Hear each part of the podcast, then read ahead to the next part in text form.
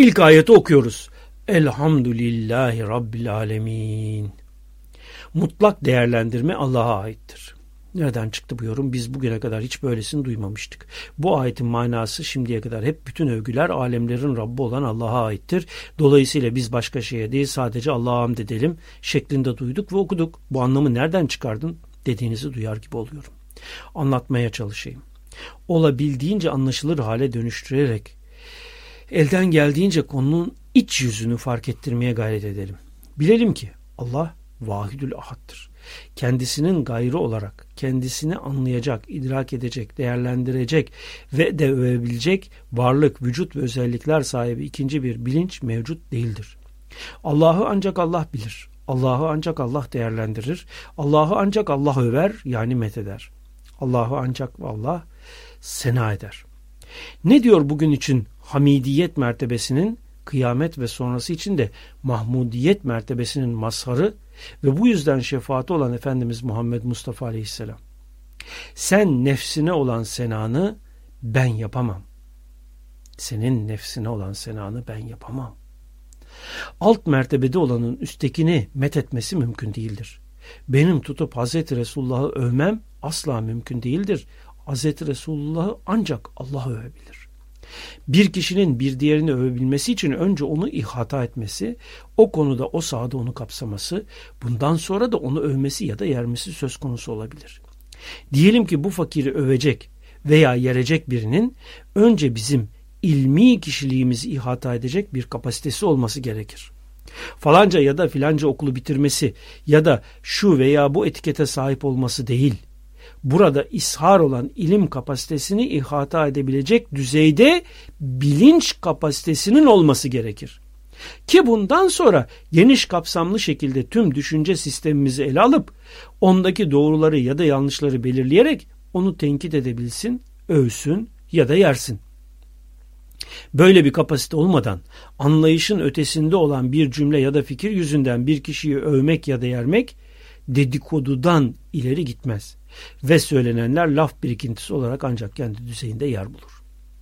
İşte bu sebepledir ki ne benim üstümdekini değerlendirebilmem ve buna dayanan biçimde onu övmem mümkün olur ne de herhangi bir yaratılmışın Allah'ı övebilmesi, ona hamd etmesi mümkün olur.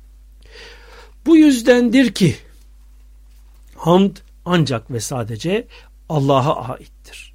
Hamd işlevini yerine getirmek ancak ve sadece Allah'a mahsustur. Lütfen biraz basiretle düşünelim. Dünya üzerinde tek bir insanın yerini düşünün. Sonra bir milyon küsur dünya hacmi büyüklüğündeki güneş yanında aynı insanın yerini düşünün. Sonra yüz milyarlarla güneşin yer aldığı galaksi içinde bir insanın yerini düşünün. Sonra milyarlarla galaksinin içinde yer aldığı algılayabildiğimiz kadarıyla evrenimizden bir insanın yerini düşünün. Ve tüm bu bildiklerimizle birlikte daha algılayamadığımız, hatta hiç haberimizin dahi olmadığı sayısız katmandaki boyutsal evrenleri yaratan Allah ismiyle de işaret edileni düşünün. Hafsalanız alıyor mu?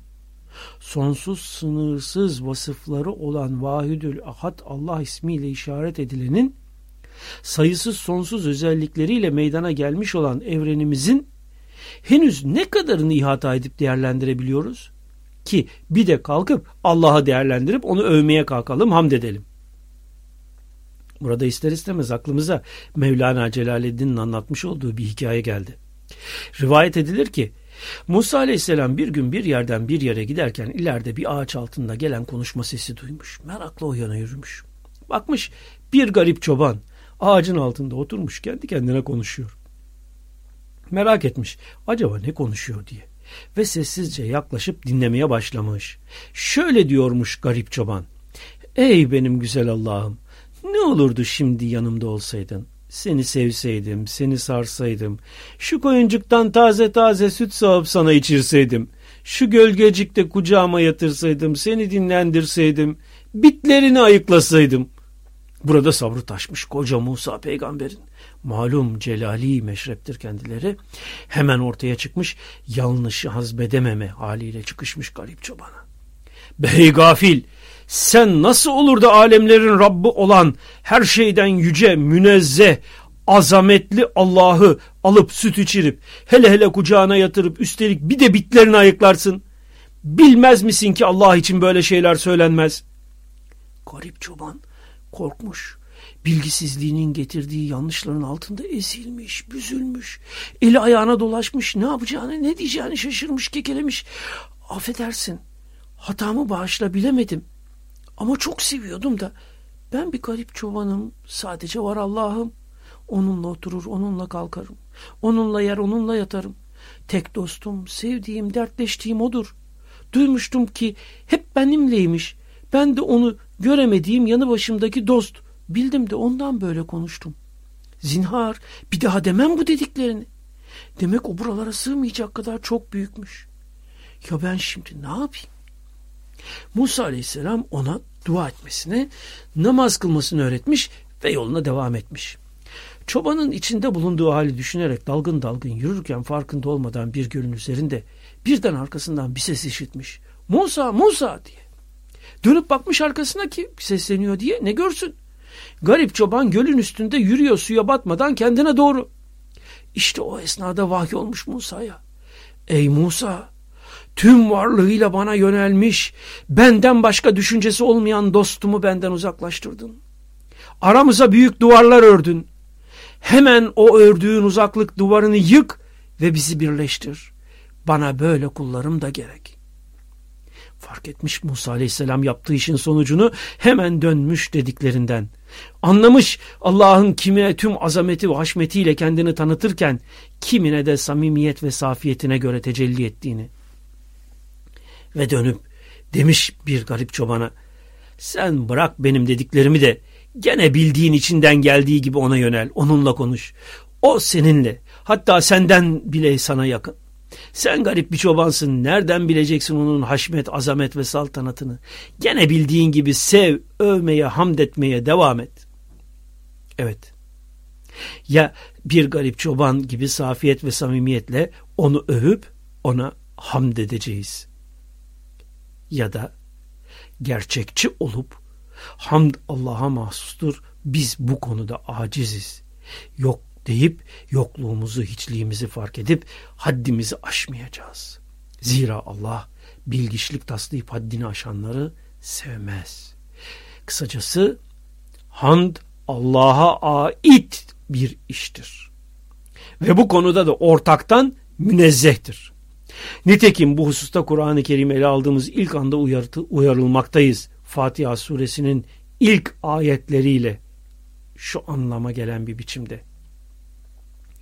Aklınızı başınıza alın ve onu basit bir gök tanrısı gibi düşünüp övmeye, methetmeye, ona yaranmak için bin türlü hallere girmeye kalkmayın. Siz bu konuda onu değerlendirmekten acizsiniz. Allah'ı ancak Allah değerlendirip Allah'a ancak Allah hamd eder. Size de yakışan hamdi ancak Allah'ın yapabileceğini idrak ederek bu konuda yetersizliğinizi fark etmiş bir halde haddinizi bilmektir. Ayrıca Hazreti Peygamber yanındaki derecesi malumumuz olan Hazreti Ebu Bekir Sıddık bu konuda şöyle uyarmıştır bizleri. Allah'ın kavranılamayacağını fark etmek Allah'ı idrakın ta kendisidir. İslam dininin Allah konusunda vurgulamak istediği kesin gerçek şudur. Var olan yegane vücut sahibi varlık sonsuz sınırsız sıfatlarıyla tektir. Ondan gayrı bir varlık mevcut değildir. Algıladığımız ve tüm varlıklar tarafından algılanan her şey ise onun esmasının varsaydırdığı terkipler halindeki manalardan ibarettir. İş böyle olunca elbette ki elhamdülillahi Rabbül Alemin yani hamd alemlerin Rabbi olan Allah'a mahsustur demekten başka bir şey kalmıyor bizlere. Ki ehli bilir bu da oldukça yüksek bir mertebedir. Allah'ı kendi yokluğundan onunla müşahede mertebesidir bu. Bakın bu konuda değerli müfessir Hamdi Yazır büyük emek verdiği tefsirinde ne diyor? Hani herkesin malumu ve aksayı emeli olarak matlubu olan hamd hakikati yok mu? İşte hamidiyet, mahmudiyet bütün cinsiyle ve hatta bütün meratibi ve bütün enva ve efradıyla o hamd Allah'a mahsustur. Allah'ın hakkıdır, Allah'ın mülküdür. Çünkü Allah'tır, çünkü ilah. Fakat lisanımızda bu tafsili icmal eden bir hayli ta, bir harfi tarif mevcut olmadığı için biz sadece hamd diye alelitlak cins ifade ederiz.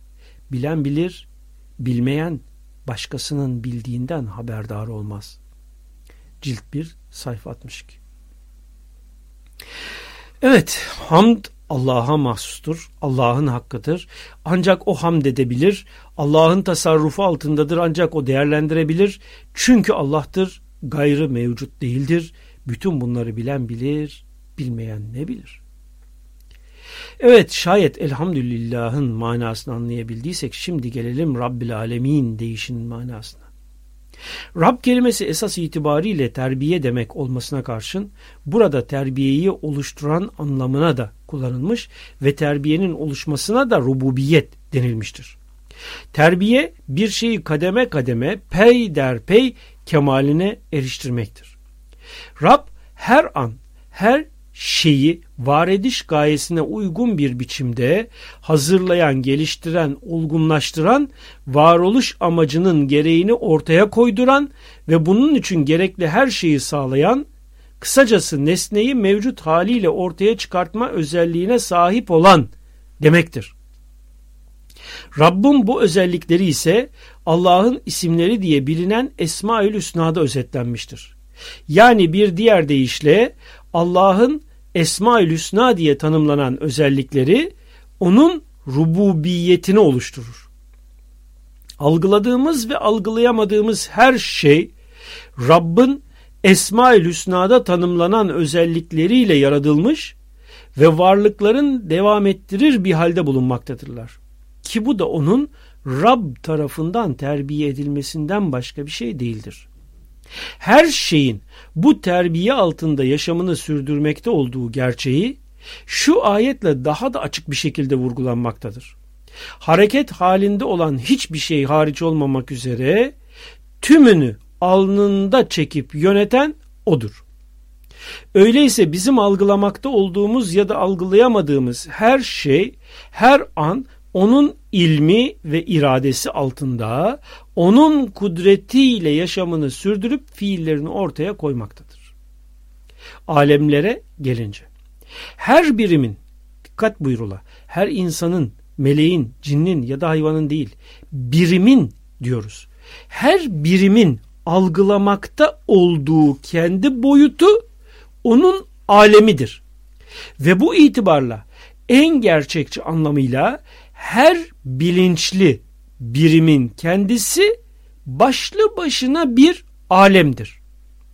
Zira gerçekte algılanan her şey algılayanın zihninde oluşan imajdan başka bir şey değildir. Bizim gördüğümüz her şey beynimizde oluşan imajın görüntünün ta kendisidir.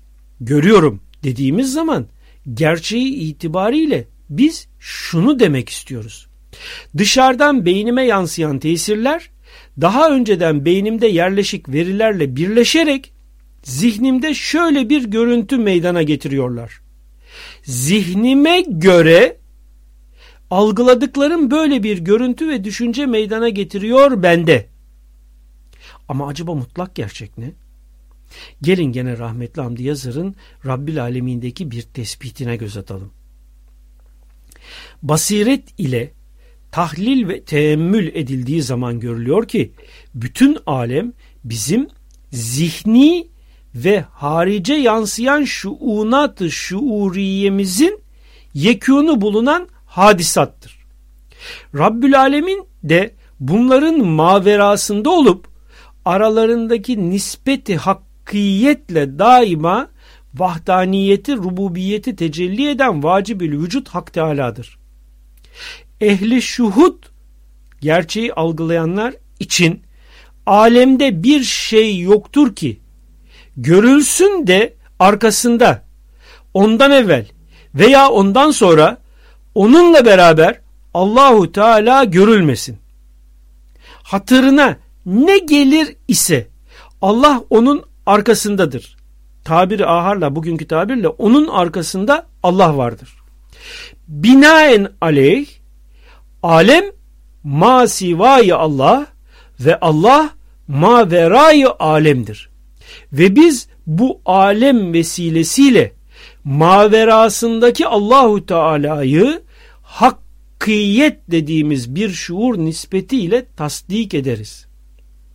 Cilt 1 sayfa 71. Bu yukarıya aldığımız bölümde size okuduğumuz bu bölümde maalesef yeni sadeleştirilen tefsirde yoktur. Bunu da ancak orijinalinde bu tefsirin bulabilirsiniz. Verdiğimiz sayfa ve cilt numarası eserin orijinaline aittir. Evet, gerçekte bizim algıladığımız her şey şuurumuza yani bilincimize yansıyan Allah'ın isimlerinin çeşitli terkipler halindeki manalarından başka bir şey değildir. Rububiyet ve Rab konusunu geniş şekilde İnsan ve Sırları isimli kitabımızda anlatmaya çalıştık. Bu hususu detaylı incelemek isteyenler o kitaba başvurabilir. Esasen bu kitabımızda incelenen pek çok konunun temeli de o kitabımızdaki özet bilgilerden oluşmaktadır. Dolayısıyla iki kitabın birbiri ardınca tetkik edilmesi sanırım birçok konunun daha da kolay anlaşılmasına vesile olacaktır. Bütün bu izahlardan sonra şimdi toplu olarak Elhamdülillahi Rabbül Alemin ayetinin işaret ettiği manayı anlamaya çalışırsak açıklayabileceğimiz kadarıyla karşımıza şu mana çıkar. Her birimi dilediği gibi meydana getirip var ediş gayesine uygun bir biçimde kemaline ulaştıran Allah ismiyle işaret edileni anlayıp idrak edip değerlendirmek birimlere ait bir şey olmayıp hamd ancak her şeyin Rabbı olan Allah'a mahsustur.